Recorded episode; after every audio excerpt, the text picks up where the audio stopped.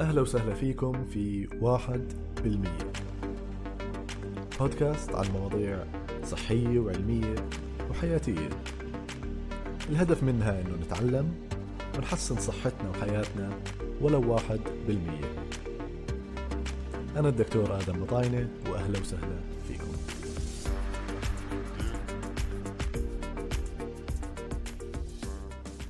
الدكتور سعيد إسماعيل للي عم بيحضرونا أو للي عم بيسمعوا هو آه، أستاذ في علم الجينات والبيولوجيا الجزيئية ودكتوراه في العلاج الجيني من جامعة اوكسفورد وحاليا آه، مدير ال Qatar Genome Project مدير المشروع الجينومي القطري. آه، أهلا وسهلا فيك دكتور سعيد إسماعيل شرفتنا. أهلا آدم ومبسوط إني شفتك مرة ثانية أهلا وسهلا فيك. طبعا يعني والأهم من هيك إنه أنت من أساتذتي بالجامعة ويعني من الناس اللي شجعوني إني أدخل على آه، يعني ولو شوي إني أعمل masters بالطب الجينومي ال genomic medicine ويعني من الأشياء اللي أنا مهتم فيها. الطب الجينومي بدخل ب ال precision medicine أو ممكن الطب اللي المنفرد يعني مش عارف كيف أترجمها. شو تعريفك أنت لل precision medicine أو إيش شو هو ال precision medicine أنا أنا بحب إنه أبين للناس في الأول إنه في مصطلحات كثيرة تستخدم ومعانيها متشابهة أو يعني متداخلة. okay في ناس بيحاولوا يفكفكوها كل واحدة إيش إيش بتعني لكن more or less بيعنوا نفس الشيء اللي هم genomic medicine precision medicine personalized medicine individualized medicine الفكرة الأساسية هي ما يلي وبحكي لك بعدين على إيش ال distinctions الفكرة الأساسية إنه designing تصميم رعايتك الصحية بناء على مكونك الوراثي أو الجزيئي لأنه في أشياء ثانية غير الوراثة على ال protein level RNA level DNA level المهم ففي الآخر هي تعني هذا الشيء. هلا ناس بحكي إنه precision medicine مش individual level بس أنت لكل group مع بعض فخليها precision أحسن. وفي ناس بحكي لك في precision healthcare في precision medicine لأنه أنت ممكن توفر رعاية طبية يعني وقائية مش بس علاجية أو إن إن المهم بيحاولوا يميزوا بين المصطلحات هاي. لكن خليني أحكي لك إياها بسهولة إنه الناس عندك في في بريطانيا بيحبوا genomic medicine وفي حتى بسموها هون stratified medicine مصطلح جديد عم بيحاولوا هذا هذا هذا الاسم الجديد. يعني بضل كلها نفس الشيء. precision medicine genomic medicine كلها نفس الشيء. يعني هي الفكرة إنه تفصيل العلاج أو الخطة العلاجية حسب مكون حسب ال يعني الأشياء المنفردة بالشخص أو يعني فالتحليل الجينومي يعني تبع الشخص وحسب أو يعني خصائص الشخص يعني يعني يعني يعني إذا تسمح لي الممارسة الطبية تبعت زمان اللي هي one size fits all مقاس واحد للجميع. ستصبح شيئا من الماضي. يعني آه، ما في والله جرعة دواء لما تفتح ال leaflet تشوف إنه بناء على العمر والوزن بس. كلهم بياخذوا نفس الجرعة مثلا. لا راح تصير بناء على والله الطفرة المعينة اللي بيحملها هذا الشخص في الجين اللي بي... اللي بيعالج هذا الدواء. قد يأخذ دواء مختلف عن الشخص الآخر أو قد يأخذ جرعة مختلفة عن الشخص الآخر بناء على إيش الطفرات الموجودة عنده أو إيش ال variants المتغيرات الموجودة عنده في في في الشفره الوراثية له. آه، الدواء شيء ال prevention شيء كيف يعني الوقاية؟ يعني ممكن أشخاص مثلا برضو نعطي مثال على ال one size fits all الممارسة الطبية القديمة تبعت مقاس واحد للجميع. تيجي في على ال prevention level آه، والله آه السيدات بعد سن ال 45 لازم يعملوا آه mammographies ويعملوا screening لل breast cancer. لا لو كانت هاي الأنثى تحمل طفرة معينة تخليها أكثر عرضة لإنها تصاب بال breast cancer بسبب طفرة معينة تحملها عائلتها يمكن لازم تعمل screening من سن ال 20 مش من سن ال 40 آه فزي ما حكيت هدول مثالين واحد على الجانب الوقائي واحد على الجانب العلاجي. أخذت قرارين مختلفين تماما بناء على اختلاف في المادة الوراثية اللي بيحملها الشخص A مقابل شخص B. لأنه لما نعطي علاجات لعدد كبير من الأشخاص بنشوف إنه في اختلافات مع إنه عم نعطي نفس العلاج لنفس المرض مثلا لمجموعه كبيرة من الأشخاص. بنشوف إنه في ناس بيستجيبوا بطريقة معينة وفي ناس بيكون استجابتهم مختلفة. أكيد. فإحدى العوامل هاي ممكن تكون جينات هذا الشخص. وهذا الشيء اللي بدخل فيه الطب الجينومي. طب خلينا نحكي شوي عن إيش إيش هو الجينوم وكيف بنعرف هاي هاي الخصائص عند الشخص يعني كيف شو هو التحليل الجينومي؟ الجينومي الغير المختصين هو المادة الوراثية الموجودة في كل خلية من خلايانا اللي هو ال DNA شريط ال DNA المادة الوراثية اللي موجودة في كل شخص منا تحتوي على 20 ألف مورث أو 20 ألف جين تقريبا كل جين مسؤول عن صفة أو عن جزيء معين يؤدي وظيفة معينة داخل أجسامنا.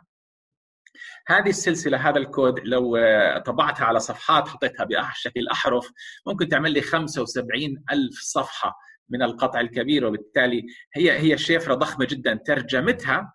هي basically اللي بتخلينا إحنا على ما نحن عليه سواء أشكالنا سواء عرضتنا للأمراض سواء استجابتنا للأدوية. كلها هذه محكومة بشفرتنا الوراثية أو ال DNA اللي صار إنه خلال ال 10 15 سنة اللي فاتت ال technology التقنية اللي بتمكننا من قراءة الشفرة الوراثية تطورت بشكل كبير جدا بحيث أصبح لكل شخص منا قدرة على إنه يقرأ مش جزء من من من من مكونه الوراثي بل كامل الشفرة الوراثية له. اعطي مثال كنت دائما أعطيه آه، زمان إنه تخيلوا بال 2003 2004 2005 كان كلفة الجينوم الواحد تصل إلى مئات الملايين أحيانا من من الدولارات أو في الليت 90 على الأقل. الآن الجينوم الواحد نزل عن حاجز ال 1000 دولار. م. أنت بتحكي عن آه، انخفاض في السعر تقريبا قال في قارب ال 1000 مرة. انخفض سعر الجينوم الواحد والسرعة بعد ما كان أن ياخذ مشروع سنوات لعمل شفرة وراثية لشخص واحد الآن ساعات من سنوات إلى ساعات من مليارات إلى ألف دولار أو من مئات الملايين على الأقل إلى أقل من ألف دولار. وبالتالي صار في عندنا إمكانية على المستوى التقني إنه تمكننا من إنه نقرأ الشفره الوراثيه لعدد كبير من الناس وعدد كبير من المرضى. آه، يعني بعرفش ممكن تصححني إذا غلط بس يعني أتوقع أول تحليل للهيومن جينوم الجينوم البشري كان بال يعني يمكن بال 99 ويعني كان إنجاز كبير لدرجة إنه رؤساء الدول طلعوا اعلنوا عن الموضوع واستغرق الموضوع يمكن يعني سنين وسنين قبل ما حللوا جينوم واحد بس هلأ. بيقدر الواحد يعني يفحص يحلل الجينوم كامل بدقة أكبر زي ما حكيت أنت ساعات نعم يعني يعني لما طلع وقتها بيل كلينتون الرئيس الأمريكي وتوني بلير في لندن في وقت واحد متزامن. I think 2001 أو كان ال draft الأول أو النسخة الأولية من الجينوم لشخص واحد تقريبا. وكان إنجاز شبه بأنه أهم إنجاز في تاريخ البشرية وأهم من الصعود إلى القمر. وطبعا أخذتهم سنوات وسنوات لتحليل الجينوم الواحد هذا. إحنا مثلا الحين في قطر جينوم عندنا 20 ألف جينوم تقريبا. وزعلانين بدنا نعمل أكثر لسه. Genomics England عملوا ال 100000 وفورا انتهاء ال 100000 جينوم أعلنوا فورا انه راح يعملوا 5 مليون إضافية خلال السنوات القادمة عن طريق ال NHS وغيرها. ف الزمن الآن صار لما كنت أنا أحكي لبعض طلابي من 10 15 سنة إنه راح يكون الجينوم العمل فحص الكامل للجينوم التسلسل الكامل للجينوم سيصبح روتين. أنا بصراحة ما كنت عارف بالضبط كيف راح يصير لكن من من متابعه الترند إنه التكنولوجيا تطورها السريع كنت واثق إنه راح يصير والآن أصبح حقيقة. لذلك بدأت بعض الدول تأخذ هذا الموقف الريادي بإنها تبدأ تدخل الرعاية الطبية تدخل فيها المكون الوراثي أو الجينوم التسلسل الجيني لمرضاها منها في الوطن العربي قطر منها مثلا في بريطانيا as leading country Iceland إستونيا ودول أخرى بس أعطينا خمس سنين راح تجد إنه معظم دول العالم خمس ل 10 سنين بدأت في هذا الشيء بطريقة أو بمستوى أو آخر. فعلا يعني في مبادرة ال 10000 جينوم أو ال 100000 جينوم project ببريطانيا اللي حكيت عنها أنت وهي جزء من ال master's تبعي كان ال scholarship آه. منه جزء من هاي ال initiative المبادرة رائع طيب خلينا نحكي بس ليش مهم إنه يعني ليش مهم هذا الحكي؟ ليش مهم إنه يعني إيش الأشياء المفيدة إنه نحلل الجينوم البشري تبع الشخص؟ شوف آه، اللي راح يصير إنه خلص العالم لنقل إنه اتجه نحو الطب الدقيق أو الطب الجينومي بمعنى إنه الممارسة زي ما حكينا الممارسة القديمة اللي هي آه، خلينا نحكي بعاميتنا مسطرة واحدة لكل المرضى ستصبح شيء من الماضي فيجب أن تلحق بهذا الركب. ستصبح الأدوية في المستقبل يمكن يكون في الروشيتا. والله هذول ال CYP 29 2C9 patients اللي عندهم ال mutation الفلانية. طب أنا كدولة أخذت الدواء هذا من مكان ثاني أنا لازم مش بس أعرف عمره ووزنه لازم أعرف إيش الطفره اللي بيحملها حتى أعرف إنه راح يستجيب للدواء أو لا. في بعض الأدوية ال cancer مكلفة جدا جدا. يعني عشرات الآلاف من الدولارات وبالتالي يستجيب 20% من مرضى هذا ال cancer. ال 80% الباقيين لن يستجيبوا. كيف بدي أعرف رح استجيب أو لا؟ قبل ما أصرف هاي المبالغ الباهظة فحص جيني صغير قد يمكنني من معرفة ذلك. اللي بدي أحكيه عمالي إيش؟ إنه كل دول العالم sooner or later آجلا أم عاجلا؟ عاجلا أم آجلا؟ ستضطر إلى أنها تعتمد على فحوصات وراثية لتقديم الرعاية الطبية. طيب ليش ما نقدر ناخذها جاهزة من الغرب زي ما كنا ناخذ دائما ادويتنا جاهزة وكل شيء جاهز مضاداتنا الحيوية ال surgical procedures and tools no this is different ما حد راح يحكي لك عن مكونك الوراثي للإثنية تبعتك للشعب تبعتك إلا أنت. اللي اكتشفوه على ال Western Europeans أو على ال Far Easterns you're, you're a different ethnicity. انت انت انت عرقية مختلفة وجنس مختلف مش جنس مختلف عرق مختلف. وبالتالي مكونك الوراثي الطفرات السائدة في مجتمعك مختلفة عنهم. بالتالي يجب أن تدرس مادتك الوراثية أنت لشعبك ولمرضاك حتى تصمم رعايتك الطبية أنت. وإن لم تفعل ذلك أنا شوي بدي ها بدي أبالغ في الموضوع. إن لم تفعل الدول ذلك راح تيجيك شركات الأدوية للدول اللي ليست لها الحاجة وتيجي تحكي لك شوف الطب تقدم. صار جزء منه طبعا مش كله جزء منه يعتمد على المكون الوراثي. انت مش عامل your homework واجبك إحنا ممكن نعمل لك إياه. صح. ممكن ندفع لك فلوس ونسوي لك إياه ونعمل لك project ضخم جدا لكن طبعا راح يكون له تبعات. إيش التبعات؟ والله إحنا بنمتلك ال data إحنا ممكن نسوي كذا كذا كذا. فبالتالي لا مفر منه سواء عن طريق شركات مع شركات الأدوية أو عن طريق مشاريع وطنية. أعتقد إنه العقد القادم سيشهد عدد كبير من الدول تدخل في هذا المجال. لابد للناس والمجتمعات المختلفة أن, أن, أن تدرس مكوناتها الوراثية لشعوبها وعرقياتها حتى تتمكن من تخطيط سياساتها الطبية وممارساتها الطبية في المستقبل. موضوع الداتا موضوع مهم ويمكن نتطرق له كمان شوي. بس كنت بدي أحكي إيش التطبيقات الموجودة اليوم لهذا الشيء ولا هل هو كله يعني راح يكون بالمستقبل؟ في, في تطبيقات. ذكرت احدها الآن معظم أو عدد لا بأس فيه من العلاجات الجديدة للسرطان على سبيل المثال تعتمد على انتي آه، بودي آه، جسم مضاد راح وال neutralize راح يحيد جزيء معين على هذه الخلية الخبيثة على سطحها أو غيرها. طيب لكن ليس كل مرضى السرطان موجود هذا ال target هذا الجزيء المستهدف على سطح خليتها.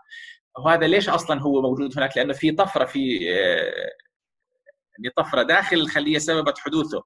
لذلك قبل ما أستخدم هذا العلاج الفعال جدا لكن المكلف جدا يجب أن أعرف هاي هاي بسموهم ال companion test يعني المثال الأول عدد لا بأس فيه من العلاجات السرطان الجديدة تعتمد على وجود طفرة معينة وصار في test ضروري أفحصه قبل ما اعطي العلاج هذا واحد.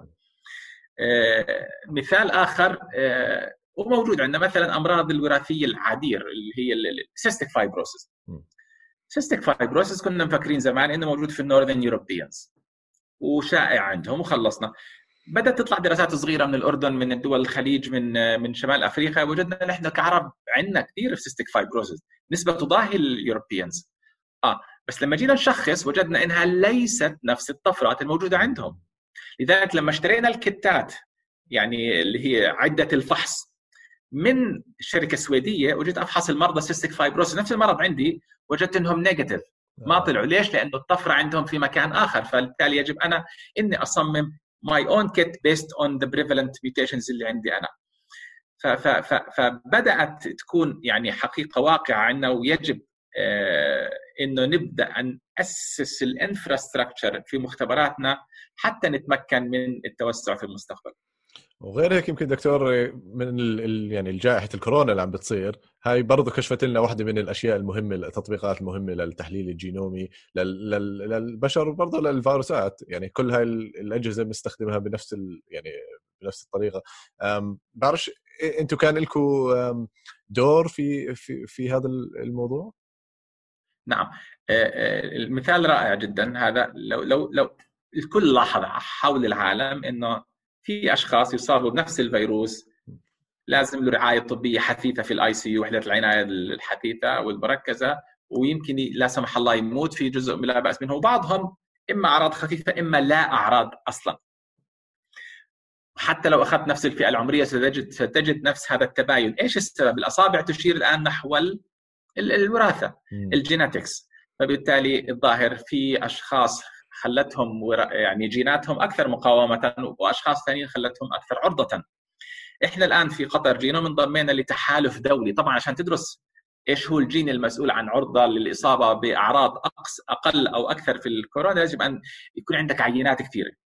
فصار في تحالف دولي اسمه الكوفيد 19 host genetics initiative ودول من حول العالم حاولت تشارك عيناتها وال DNA اللي عملته للأشخاص اللي اصيبوا بالكورونا حتى تحلل وكنا إحنا في قطر جينوم البلد الأول في المنطقة العربية والشرق الأوسط المشارك فيها وفي نتائج إن شاء الله مبشرة في حوالي ست جينات آه، تشير لها الدراسات إنها قد تكون مسؤولة فعلا عن عن مدى آه، حدة الإصابة بالفيروس.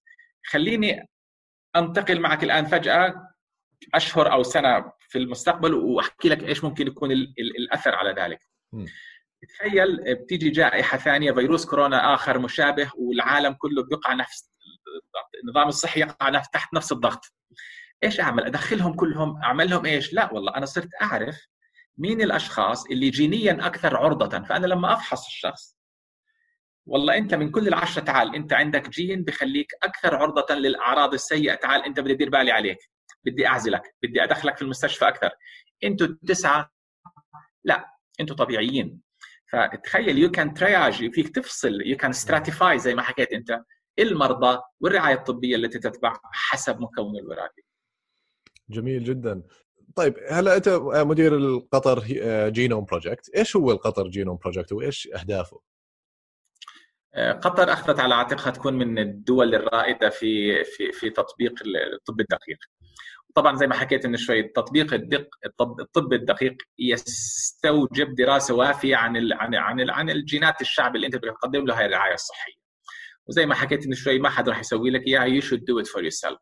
يجب أن تفعلها بنفسك تدرس انت إيش المكون الوراثي للمرضى اللي راح تقدم لهم العلاج العناية الطبية هاي فقطر بسبب توفر الإمكانيات والبنية التحتية واستثمرت قطر بشكل كبير خلال العقدين الأخيرين في ال في ال في, ال في ال biomedical research في البحوث الطبية بشكل عام من بنية تحتية ومن استقطاب علماء من المنطقة وغيرها. ف واللي يميز قطر كمان مرة أخرى إنها آه، بلد صغير متجانس وبالتالي وموفر الرعاية الطبية هو موفر واحد هو منظم يعني ال HMC ال Hamad Medical Corporation مؤسسة حمد للرعاية الطبية فبذلك إذا درست هذا الشعب حتترجم الاكتشافات هاي إلى رعاية طبية بشكل سريع. يشبهوها بآيسلند يعني ممكن نسميها Iceland of the Middle East أول بدا بلد بدأت في دراسة المكون الوراثي لكل شعبه هي Iceland، Iceland والله. مرة أخرى جزيرة صغيرة في شمال المحيط الأطلسي، عدد سكانها مشابه لقطر ومتجانسين جدا فبالتالي آه، تعتبر آه، بداية جيدة لدراسة إمكانية تطبيق الطب الجينومي أو الطب الدقيق على مدى واسع أو على national level على على على على مستوى وطني أو شامل. يعني يعني بشكل عام آه سوري بدينا بسوري بال 2015 عملنا لغاية الآن 20000 جينوم ونحن إحنا ماشيين عشان إن شاء الله نوصل ل 100000 جينوم خلال السنوات القليلة القادمة. تخيل الشعب القطري 300000 شخص لو سويت 100000 جينوم انت باختصار آه، تعرفت على كل الطفرات المسببة أو التي قد تسبب أي مرض ممكن تفكر فيه. انت أخذت صورة أكثر من وافية ومش بس عمالنا نشتغل على ال gene level عمال نشتغل برضه على ال RNA وال protein level وال metabolite levels يعني ما يسمى بالأذر اومكس سو جينومكس ترانسكريبتومكس بروتيومكس ميتابولومكس وأذر اومكس فبالتالي طبعا بالإضافة للمعلومات السريرية الأخرى من ال phenotypic data وال clinical data فتخيل أنت في نهاية هذا المشروع ستكون هي هي اوريدي يعني فعلا حتى الآن صارت من أكبر مجموعة البيانات الصحية المتوفرة لأي شعب في المنطقة العربية كاملة. وبالتالي دراستها راح يستغرق سنوات طبعا. بس بنهاية هذه السنوات راح تكون باختصار أنت عارف كل شيء تقريبا من الناحية الصحية عن هذا الشعب. وبالتالي سياساتك في ال 20 30 سنة القادمة مبنية على أسس قوية. أنت عارف هذا الشعب معرض لأي أمراض وعارف بالضبط إيش اللي ممكن تسويه وإيش ممكن تركز عليه أكثر من غيره حتى تتجنب إنه أو تقدم رعايه صحية أفضل في المستقبل. نعم. يعني يعني غير التحليل الجينومي عم تعملوا بروتيومكس وترانسكريبتومكس نعم. اللي هي اللي هي يعني تحليل أو يعني خلينا نشرحها شوي يمكن لل ال DNA هذا ال genomics تدرس الشفره الوراثية. ال DNA طبعا يترجم أول شيء إلى RNA اللي هي الرسالة التي تترجم بعدين إلى الوحدة الوظيفية اللي هي البروتين. فأنا مش عم بعدين البروتين بيشتغل على جزيئات معينة بحيث يسموها ال metabolites اللي هي ممكن تكون أدوية ممكن تكون أي biochemical substances في الجسم. فتخيل إحنا مش بس ندرس على المستوى الجيني لا وعلى المستوى ال expression إنه تم ترجمه هذا الجين إلى RNA وبتدرسه على ال protein level بتدرسه على ال metabolite level يعني باختصار عم تدرس كل الجزيئات الصغيرة اللي شغالة في جسمك هاي. على كل مستوى. من بكل المستويات من ال DNA لل RNA فبالتالي أنت عندك فكرة كاملة عما يحدث.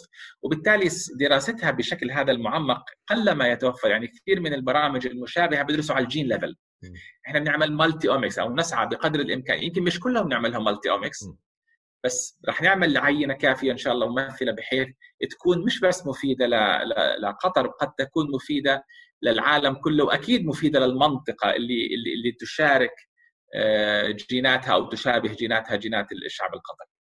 برضو يعني في تبعات ممكن ما نتوقعها يعني لما يكون عندنا مثل هاي المعلومات ممكن اكتشافات جديدة تخلينا نرجع لل database اللي عندنا ونعمل أشياء. يعني زي ما حكيت آه، بجائحة كورونا ما حدش كان متوقع يصير شيء زي هيك. ما حدش كان متوقع إنه تستفيدوا بهذا الكم الهائل من المعلومات اللي already موجودة عندكم إنه تشاركوا بال كوفيد 19 Host Genetics Initiative yes فيعني لما يكون عندنا هاي قاعدة البيانات نعرفش كيف راح نستفيد منها صحيح. أحيانا بس أكيد راح تكون استفادة كبيرة. صحيح صحيح. طب يعني هذا الشيء بدخل على ال يعني ال research بشكل عام بالعالم العربي؟ حبيت أحكي شوي عن هذا الموضوع لأن أنت يعني من الناس اللي من المؤسسين لمبادره بالعربي مش هيك؟ نعم. خلينا نحكي عن هذا الموضوع شوي. إيش هي مبادرة بالعربي؟ وإيش الهدف منها؟ يعني أنا خلال وجودي في تدريسي في كلية الطب الجامعة الاردنيه 14 سنة تقريبا الشباب آه، اللي مثلك ما شاء الله عليهم طاقات يعني بس عاوزة إنها تعطيها طرف الخيط وهي بتكمل لك إياه آه، وجدت إنها تربة خصبة لتجميع هذا الجهد الطلابي لعمل شيء فالحمد لله شاركت في إطلاق مبادره بالعربي شوية فعلت برضه مع مبادرة أخرى اسمها فاي Science Institute صارت هلا مؤسسة كبيرة وترعاها الجمعية العلمية الملكية. وساهمت برضه في إن في في تشجيع الطلاب على إنشاء نادي البحث العلمي في كلية الطب وغيره. فاللي صاير إنه حاولنا إن نحمس شبابنا للبحث العلمي. تعرف البحث العلمي عندنا بيبدأ بعد في الدراسات العليا على الأغلب. بينما لو رحت وشفت المناهج الغربيه منهجية البحث العلمي يتم تدريسها من الصفوف الأولى. إيش يعني هايبوثيسز إيش يعني فرضية وإيش يعني موديل إيش يعني يعني طبق نموذج لإثبات نظريتك وكيف تحلل النتائج وكيف تنتقدها. هذا يعلم ويدرس لهم اللي هو البحث التجريبي والعلم التجريبي من الصفوف الأولى. فإحنا كانت الفكرة في كل هذه الأنشطة إنه نشجع الشباب على الاهتمام في البحث العلمي. بالعربي بالتحديد كان هدفها إنها تترجم الكثير من العلم إلى اللغة العربية، اللغة العربية للأسف ينطق بها أكثر من 400 450 مليون شخص لكن محتواها على النت أضعف من محتوى مثلا خلينا وقتها بعش قارنا بالمحتوى النرويجي، النرويج كلها على بعضها 4 5 6 مليون يمكن. كان محتواها مثلا على الويكيبيديا عدد ال entries مشابه للعربية أو أو والله. أكثر. وإحنا 400 450 مليون ناطق باللغة العربية. آه، بالتالي ما شاء الله عليهم بدأوا بترجمة المحتوى العلمي المختلف بمختلف التخصصات وغيره والمواضيع إلى اللغة العربية. أصبح عندهم الآن 9000 اظن متبرع مترجم من خمس دول عربية وصار عندهم مسابقات حتى للبحث العلمي وصار عندهم مليون 2 مليون مثلا آه، قراءة على موقعهم وشغالين. فاي في المقابل كانت تسعى آه، لإنها هذا مبادرة أخرى طلابية في الأردن إنها تشبك الطلاب مثلا ومع الباحثين. صار الآن فاي قادرة على إنها تمول الأبحاث العلمية بنفسها وتقيم مؤتمرات بيحضر فيها 1000 و2000 و3000 شخص أحيانا. فهاي مبادرات كان لي الشرف إني أكون جزء منها وما زلت الان يعني أفخر اني الحمد لله شاركت طلاب فيها. آه يعني هذا الشيء أنا كثير مهتم فيه برضه. يعني وهي جزء من ليش عم بعمل هذا البودكاست. لأنه آه عم بحاول أعمل مش بس محتوى عربي. يعني كثير في في محتوى عربي يعني بلش يتحسن المحتوى العربي بس ما في محتوى عربي يعني معمق شوي. عشان هيك كل الفكرة من الموضوع إني أعمل يعني حلقات مطولة نص ساعة ل 60 دقيقة مثلا مع أشخاص مثل حضرتك إنه نتعمق بمواضيع يعني على الأقل رؤوس أقلام ويعني تهايلايت أشياء معينة. لأنه في عندنا زي ما حكيت أنت عقول آه، عربية وأردنية. بس آه، يعني للأسف آه، الكونتنت مش موجود على بالضبط. فاللي بتسويه أنت آدم وزملائك يعني ما بتتصوروا قديش في عطش. له موجود. في ناس يعني في ناس بيروحوا بيدخلوا لغته الإنجليزية ما بتساعد ما بتساعده. يعني طالب في مراحل مدرسية مبكرة أو حتى متاخره أحيانا. لغته للأسف في معظم الدول العربية ما بتساعده. فبالتالي هذا المحتوى اللي أنت بالذات المحتوى المرئي by the way يعني والمسموع طبعا مش بس المقروء. طبعا الترند رايحة هون هالأيام. فاللي بتسويه أنت وزملائك شيء عظيم جدا. طيب عندك نصائح معينة ل يعني كثير اللي بتابعوا اللي بتابعوني أو بتابعوا صفحتي طلاب طب آه، طلاب العلوم الطبية أو يعني بشتى العلوم وكمان يعني أطباء آه، صغار بالعمر أو باحثين صغار بالعمر وحابين يدخلوا بهذا المجال العلمي آه، بشكل أكبر. عندك نصائح معينة ممكن يعني تفيد هذول الناس؟ آه، ممكن أحكي لهم بشكل عام طالما اهتموا في هذا المجال فهم في الاتجاه الصحيح. بمعنى آه، أنت لساتك لو طالب توجيهي أو طالب بكالوريوس أو حتى في اختصاصك في آه، في سنواتك الأخيرة كطالب طب أو طالب علوم طبية وفكرت تروح أي شيء علاقة في ال genomic medicine فأنت في الاتجاه الصحيح من جهة إنه أنت راح تكون مطلوب خلال 30 40 سنة الجاية على الأقل إذا مش أكثر. يعني هذا المج... هذا الاتجاه هو اللي سيكون الاتجاه السائد في الطب. وبالتالي سيتفرع منه اختصاصات ووظائف جديدة ما كانت بالأهمية السابقة. أعطيك أمثلة. أنت بتتخصص باطني بس رحت عملت ماجستير في ال genomic medicine راح وبعدين إذا تخصصت في في, في ال cancer أو غيره الماستر هذا راح يكون very very very important ل ال practice تبعك في المستقبل أو ممارستك الطبية راح تشوف. تخصصات أخرى مثل ال ال ال أنت مثلا راح تكون قادر على تقديم الاستشارات الوراثية، غيرك مش راح يكون قادر، ومعظم الأطباء لن يكونوا قادرين على ذلك، لذلك كان في مهنة موجودة هي بس ستتضخم فجأة بشكل كبير جدا وهي الاستشارات الطبية أو genetic counseling أحد أهم الوظائف اللي راح يكون عليها طلب في ال 20 30 سنة الجايه راح تكون الاستشارات الوراثية ال genetic counseling فبالتالي اللي حاب يكمل في هذا المجال يصير genetic counselor راح يجد وظيفة بسهولة في أي مكان بده إياه في العالم. ال bioinformatics شيء مهم جدا. إحنا عمالنا نحكي so far عن قراءة الشفره الوراثيه وتحليل ونعمل sequencing ونشوف التسلسل. لكن أشرت من شوي إنه إنه الجينوم الواحد 75 ألف صفحة. تخيل لما تعمل آلاف من الصفحة من الجينوم من ال genomes تخيل لما تعمل ال other omics كم ال data اللي عمالنا بننتجه حاليا أكبر بكثير من قدرتنا على تحليله وفهمه.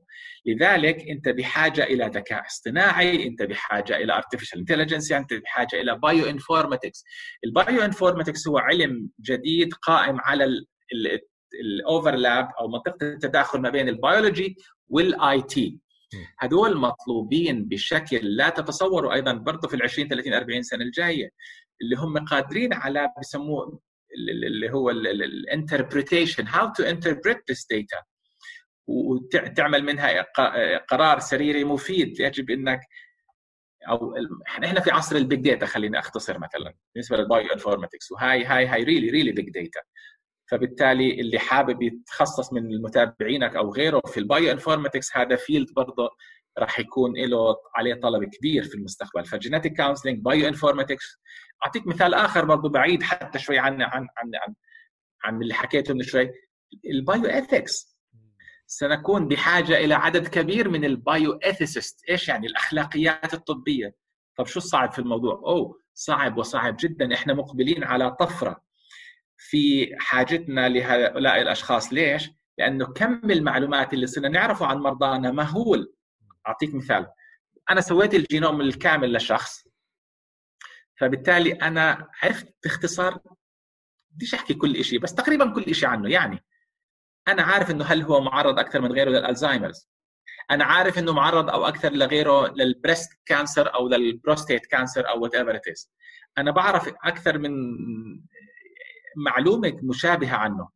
طب إيش أسوي؟ خلينا نأخذ المثالين هدول. أجي اللي هم ال breast cancer أنا عرفت عن شخص إنه يعني معرضة هي لل breast cancer أو هو البروستيت أو الكولون. والمثال الآخر ال Alzheimer's Alzheimer's. يمكن ما أحكي له. ليش؟ طب ليش أحكي له؟ لأنه في علاج ما في علاج. في actionable is actionable يعني ممكن أعمل إجراء وقائي مفيد كثير. والله مش كثير. خلينا أجل المعلومه خليني أحكي لها عن ال breast cancer. ال breast cancer في وقاية ممكن تنقذ حياتها. لازم أحكي لها. طيب. ما حكيت للشخص تبع الألزهايمر وحكيت لهذيك أنقذت حياتها. بعد كم من سنة طلع علاج للألزهايمر مبني على راح رفع قضية علي. أنت ليش ما حكيت لي؟ مش أنا سويت الجينوم تبعي عندك من خمس سنين؟ أوه أنت تذكر أنت وقعت لي. أنت وقعت لي إنك أنا مش ملزم أحكي لك كل شيء. هذا الشخص. آه خلي ففي آه شركات التأمين زي ما دائما بحكي المثال هذا شركات التأمين في المستقبل قد تيجي وتستغلك بناء على إنه أنت بتعمل فحصك الوراثي بخليك عرضة لأمراض خطيرة فشركة التأمين ممكن ترفض تامن لك لا ما حأملك في 40 دولار بالشهر.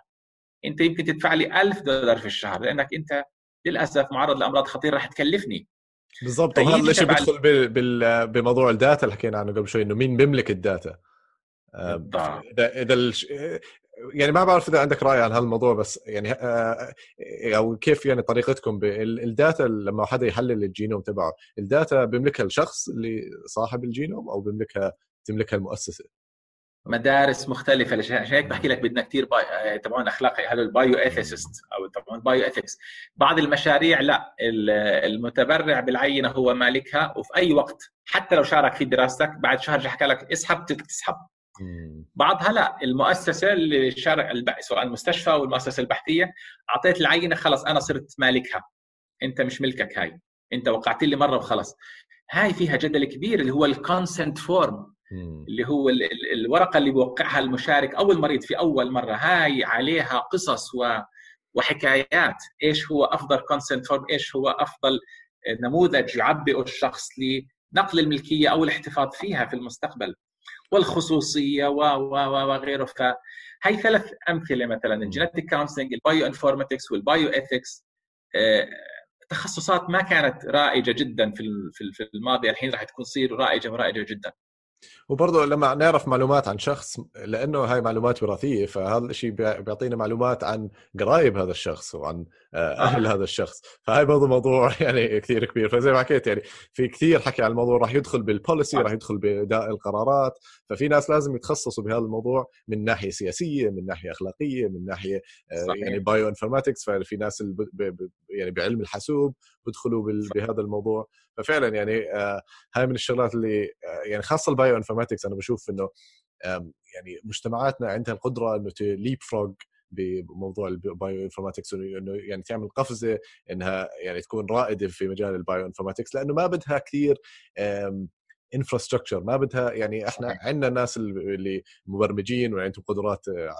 بالكمبيوتر فبيقدروا يترجموا هاي الشغلات لل bioinformatics صحيح حضرتك 100% 100% طيب خلينا نحكي بس آخر سؤال أو اخر كم من سؤال عن عن الأردن ويعني أنا كنت درست بالجامعة الأردنية.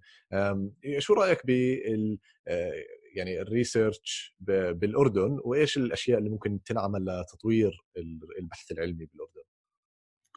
شوف آه، خلينا نحكي بصراحة الأردن من مقارنة بالدول العربية جيدة. يعني آه، مقارنة بمحيطها الجغرافي جيدة. آه، في شمال أفريقيا يمكن أحكي لك تونس. في الخليج العربي قطر السعودية كويسة عمان بتعمل شوي بس يعني قطر والسعودية يمكن أكثر. آه، الدول العربية اللي اللي قادرة تعمل حتى المستوى الأقل من البحث العلمي قليلة بس منها الأردن. جيد. نعم خلينا ناخذ حال الأردن. إيش مشكلة الأردن؟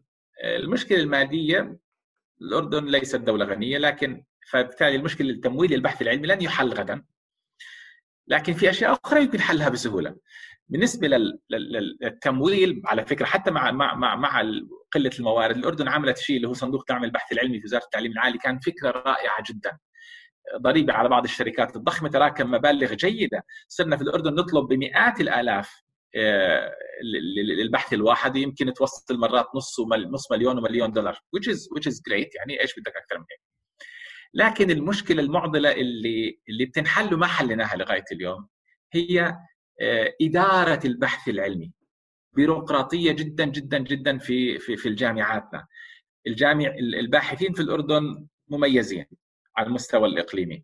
لكن يعني خلص راضيين إنه ما في موارد ضخمة لكن اللي اللي مغلبهم هو الإجراءات الروتينية والبيروقراطية. يعني لما تيجي عشان تصرف البحث العلمي آه، تطلب 100 ورقة توقعها من 100 واحد مختلف و100 لجنة تدخل عليها معيقة جدا جدا وقاتلة للبحث العلمي. وبالتالي آه، يا ريت المسؤولين وأصحاب القرار عمداء بحث علمي رؤساء الجامعات وزارة التعليم العالي يراجعوا سياسة اللي هي الجفرنس أو حوكمة أو إدارة البحث العلمي في الجامعات. دائرة اللوازم آه، دائرة عمادة البحث العلمي المالية يجب يا جماعة إنهم ينظروا للموضوع بشكل مختلف. آه، تسهيل عمل الباحثين مش عشان سلفي 500 دينار تعمل لي 100 لجنة وتدخلني فيها. خليني أحكي فيها بالعامي وبشكل واضح جدا. يعني دائما بيفترضوا إنه حاطين كل هالعوائق حتى يمنعوا أي قرارات خاطئة ماليا. خليني احطها هذا. لكن يا أخي مش هيك أنت بتسوي. أعطيك مثال أبروتش مختلف تماما. خلي الباحث يشتغل. دقق بعد انتهاء البحث عليه دقق ما بعد. شفتوا إنه والله أساء صرف 1000 2000 دينار هون ولا هون؟ تعال حاسبه بعدين. يعني ما تعيقه قبل لا يقوم في البحث. يا أخي خليه يسوي البحث. ارفع سقف المحاسبة على ال 1500 دينار لا تحاسبه. وبعدين شوف آه، وإذا مسكت يا أخي ربي في بقية الباحثين العلمي إذا استخدام بس على الأغلب كلهم ناس مخلصين ناس حابين يشتغلوا. لا تعيقهم أنت في إجراءاتك الروتينية وخلي العجلة تسير بدي أسأل سؤال يعني يمكن شخصي شوي. هل آه، يعني إيش كان اهتمامك أنت لما دخلت بموضوع علم بعلم الجينات؟ خاصة يعني أنت من الناس اللي دخلوا بهذا المجال بكير شوي. إيش اللي خل الدافع اللي خلاك تدخل بهذا المجال؟ آه، أنا والله آه صادف إني كان آه، القصة بالتحديد اللي صاحب وأنا كنت قبل التوجيه صاحب كنت من هالنيردات هذول وكان ما كان في أيام نت. بس كان ينام في المكتب العام دائما الشاب هذا وجرني معاه كم من مرة وبدأ يحكي لي بال بالليت 80 عن الهندسة الوراثية. أوف شو الهندسة الوراثية هاي يا صديقي؟ هاي هندسة؟ لا هاي هاي إيش بالضبط؟ هاي هاي وراثة وجينات. فصرت أروح معه ونقرأ في المكتبة ونتعرف. كان في بداياته الموضوع.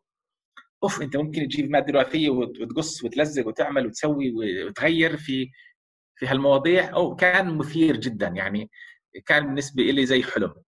لذلك آه، مشيت في البكالوريوس وبعدين في الماجستير وفي الدكتوراه وضليت وراء هذا الموضوع. أنا كنت محظوظ إنه إنه واحد أعطاني طرف خيط واهتميت فيه ومشيت لكن في كثيرين بوصل التوجيه وبخلص هو مش عارف إيش بده. وهذا هذا بعيبه مش عليهم هم بعيبه على المدارس والنظام التعليمي. في المدارس بعض المدارس الخاصة في الأردن وبعض في دولنا العربية وبعض المد... لا لا في في في كونسلرز في استشاريين في آخر كم من سنة بيقعد معك بيحاول يشوف أنت وين اتجاهك بيشرح لك بيفتح لك الموضوع أكثر وبالتالي بتكون عندك قدرة على اتخاذ قرار سليم أكثر. للأسف إذا كان هذا مش موجود ف في بعض مدارسنا على الأقل اللي بيسمعونا من هذول الطلاب يحاول إنه هو آه، النت صارت موجودة الأيام هاي فبالتالي ممكن تطلع وتقرا أما بالنسبة لطلاب الجامعات في أول سنة ثاني سنة بشجعه إنه وين في ندوة يروح وين في آه، بودكاست لآدم يحضره وين في محاضرة خارج المحاضرات الموجوده عليه يروح يقرأ يجرب. آه، عجبه شغل المختبرات في مادة يروح يعمل فولنتيرنج في المختبر يقعد شهر يمكن يكتشف إنه ما بحبه أو بحبه فيسعى يطرق أبواب لأنه اتخاذ القرار إيش هي المهنة اللي راح تضلك فيها طول عمرك؟ ابدا مش سهل. وبيستاهل إنك تتعب وتدور وتجرب وتغير عبال ما توصل لشيء بتحبه وتضلك فيه طول عمرك. وفي كثير أشياء ما بنعرف إنه ما بنعرفها فالواحد بيكتشف هاي الأشياء غير لأنه يعرض حاله للصدفة. فزي ما حكيت أنت يكون نشيط ويروح على النشاطات هاي كلها. إيه، زي ما حكيت بالضبط يعرض حاله expose yourself ال exposure هذا this the way to learn هاي الطريقة للتعلم يعني صراحة حوار رائع دكتور سعيد وشكرا كثير يعني استفدنا منك كثير وإن شاء الله يعني نعمل حوارات عن مواضيع أخرى في المستقبل. شكرا كثير إنك كنت معنا اليوم. الله يخليك. شكرا آدم وبالتوفيق إن شاء الله. تسلم